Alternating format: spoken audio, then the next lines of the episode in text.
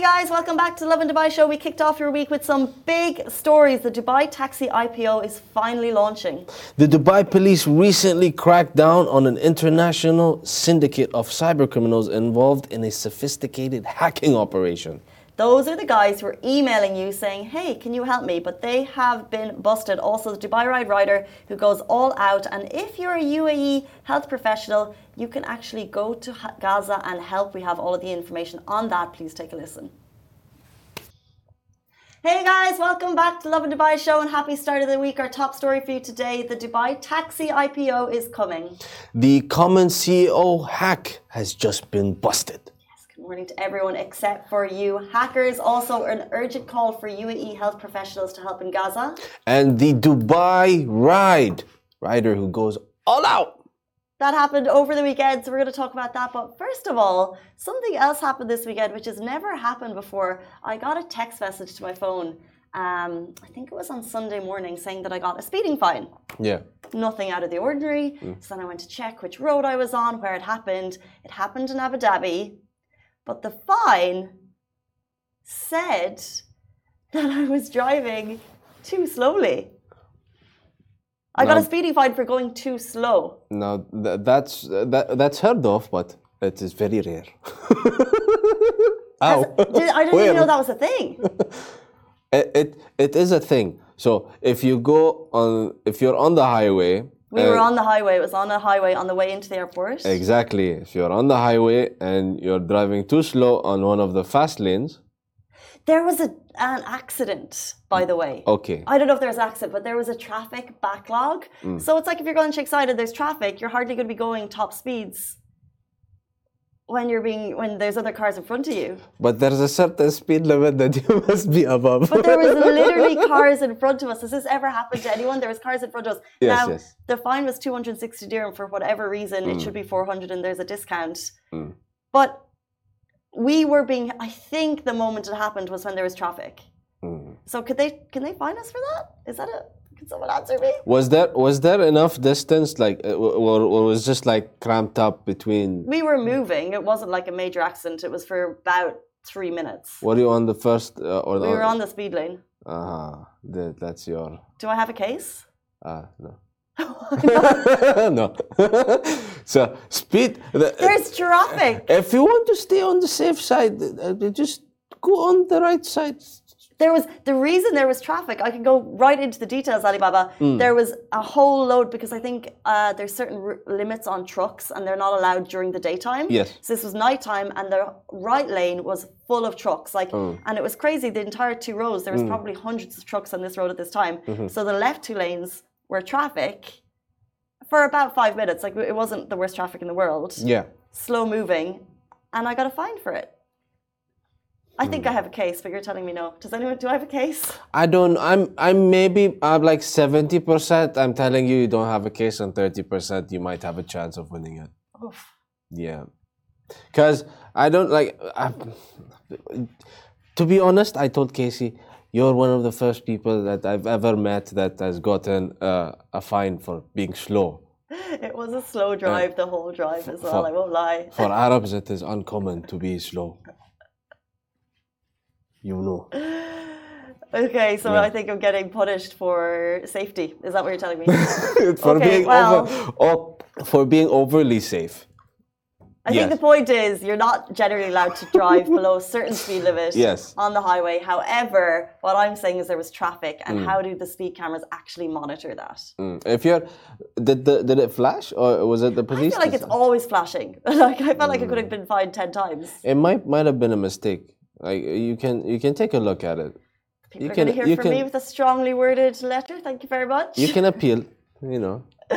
Um, good morning to everyone who's tuning in. Good morning, Gina. Good morning, I Wake DXB. Good morning, Joanna. Thank you so much for tuning in. Uh, we're also go live on Facebook, Twitter, YouTube, Mm-hmm. TikTok, and in podcast format if you want to hear the full show a little bit later. Our Mm. top story for you today announced this morning the Dubai Taxi IPO is coming. So if you want to own a little piece of Dubai, you can. His Highness Sheikh Mohammed bin Rashid Al Maktoum, Vice President and Prime Minister of the UAE and ruler of Dubai, issued a new law regarding the Dubai Taxi Company, which transforms Dubai Taxi into a joint stock company. This means its shares have been also approved and will be offered for public subscri- subscription. According to the law, Dubai Taxi Company replaces Dubai Taxi Corporation as part of the IPO that could raise 300 billion dollars according to Bloomberg, which means we have another Dubai IPO on our hands following the likes of DEWA and ADNOC, which was the biggest IPO of 2023 so far, selling just 5% of its gas business and raising 2.5 billion dollars in 20 in 2023. Uh, the ADNOC IPO was uh, oversubscribed 58 times. That was huge this year, and it's expected that the Dubai Taxi IPO will see a similar level of enthusiasm. Uh, they've said they will offer 24.9% of its stock offerings, and you can uh, look to buy in from November 21. The minimum subscription is 5,000 dirham. Could it be oversubscribed again? Likely. Yes. Um, seeing how have you bought into Dubai stocks? Unfortunately, no, but I know someone uh, very close to this company. Very close to this company. uh, but I don't know. Yes, I know a few people that that uh, has invested uh, the, that they've invested into um, yeah I- ADNOC and uh, ADNOC sounds like a goodie. I paid into DEWA. DEWA. But I don't understand it. I feel like stocks are made for people that really understand. Even like an IPO, so it's an initial mm. offering to the public. Like I, I need to mm. Google these things because I know that shares and investments are a good idea, but I still don't fully know how to use them. So it's not it's not for me. But I love the idea of betting on the city. Yes. because we know how the city is thriving and mm. we know that now is even just the beginning you know with the plans for a 2040 master plan and you know mm. the, the plan to kind of be able to welcome a much larger population that making these investments now makes the most sense. Like forget crypto i'd rather put my money into dubai. Hundred percent. however i just mm. don't get it. I just don't get it. It's a it's a long term investment. So, for example, um, you're betting on the city. Like you you are investing and you have faith in Dubai um, that in the long run these companies are gonna be like they're guaranteed success. So you know, putting your money there is safe. You know. Okay. Um, so we're going to jump into our next story. Uh, we're moving from Dubai Taxi to Dubai Police and a major drug uh, bust that happened. Sorry, a major bust that happened. The um, the major bust was called Operation Monopoly. Um, so these hackers that have been annoying everybody very lately uh, over the years, um, the Dubai police recently cracked down on an international syndicate of cyber criminals involved in a sophisticated hacking operation. The gang would hack into the email accounts of company CEOs and impersonate them to instruct instruct branch managers to transfer substantial sums of money to their own. And Dubai police arrested 43 suspects, while the mastermind and 20 of his accomplices based outside of the UAE, UAE have been identified and international arrest warrants have been issued against them. So this is the email that I'm sure a lot of us have been subject to. We've had we've had numerous emails come to the office. We've actually fallen for it. So have you ever been on the receipt of one of these emails? For example, um, let's say I'm your boss and I'm like, hey, uh, it's seven in the morning. I send you a really brief email saying I really need your help on something. Can you just run to the store, get this for me, and I'll pay you back, Casey. Brief. It doesn't give any idea of like intonation, personality, but it's a brief request. It's urgent, and I'm asking you to act. Yeah.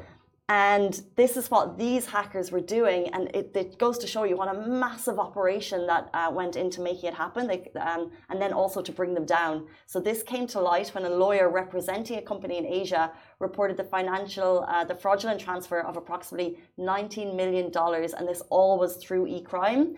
The gang's cyber heist involved a two-phase transfer process with an estimated total of 36 million being moved from one account to another before being deposited into the cash vaults of money holding and transport companies. Further investigations reveal the gang had also hacked into electronic communications of another international company and embezzling an additional 17 million. Oh my goodness. The police trailed the money trail, ultimately luring the suspects of the UAE, uh, to the UAE, where they were apprehended. In addition to the arrest, the authorities seized luxury cars and valuable artworks belonging to the cyber criminals. To bring the syndicate to, syndicate to justice, Dubai police collaborated with security agencies in France, Hong Kong, Singapore, and Singapore, highlighting the international scope of the operation. That's one big operation. Oh my goodness. My goodness. And I just think like there's so much we can do in terms of being vigilant, but these hackers are so sophisticated mm-hmm. in their operations. I even I had an email right before the show saying someone was using my Netflix account in Arizona and New York in the last two days. Um, had my account been compromised? It looks so legitimate, but I had to check with Ali. I was like, "Is this mm is this a hack now? I can't believe anything. Yeah, yeah. You always have to be careful. Even the official ones, you, you have to be careful of because like it might be a scam. So like I, I I always say like look at the domain. And even when you're looking at the domain, because sometimes they're very tricky. They they also change the domain and they make it very very similar, so that you might think, oh, this is official, but it's not. That's why I thought this one, like it, it looks super legitimate, mm. and then it's account.netflix at something.com mm-hmm. and I think it is legitimate, so I've changed my passwords. um, but it's gotten to the point where a legitimate email with a legitimate security concern comes in and you question it, which mm-hmm. isn't the way to operate. I think even banks say, we will never call you, we'll never email you for information, i.e., you have to reach us, and that's always fun because it takes about a year to get mm-hmm. through to anyone. Mm-hmm. But even when you get a legitimate call these days, if it's mm. from a bank, you would question it immediately. Yes, like uh, I would be like, why do you need my details or why? So I I ask why, uh, and then I would just fact check in whatever they're saying, so that I'm not giving any confidential information that would give them, you know, access to my accounts. So beware.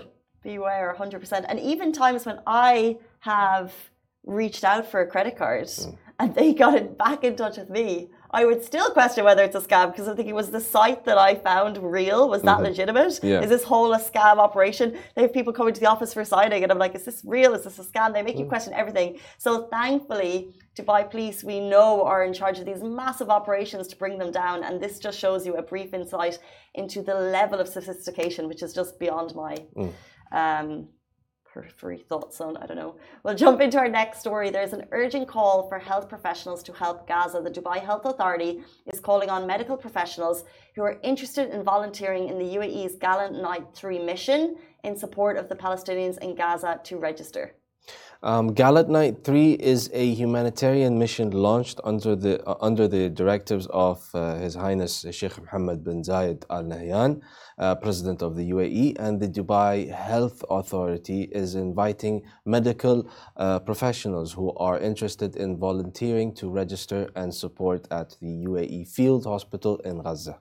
The response to this has been so touching because we've seen every day and weekend people getting out to donate as much as they can, whether it's good, time, or money. And even this, even those who are not registered in the health sector, they were in the comments saying, Can we go? Mm. Can we help? Can yeah. we get there? And obviously, there are questions, you know, like, uh, what, where is the hospital located? The UAE is making a field hospital in Gaza that people will be going to. So, what they are looking for at this moment is health professionals, so nurses, doctors. If you can help, uh, all of the information is on Lovin Dubai Instagram. You can check that out um, and put in your details there because they're looking for volunteers urgently to go.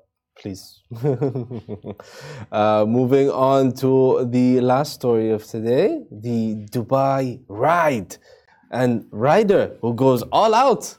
That happened over the weekend. It did. I was down there, Dubai Ride this weekend. Dubai Ride presented by DP World, so amazing. And there's this guy who every single year he just goes above and beyond, and this year was no exception. So mm. it's you can get out there on your bike and have a great time with your family. It's a real community morning. Um, but this rider particularly, he dresses up his bike to perfection. So uh, in 2020, Ajmal Mahmood dedicated his ride to all the delivery drivers for going the extra mile during the pandemic.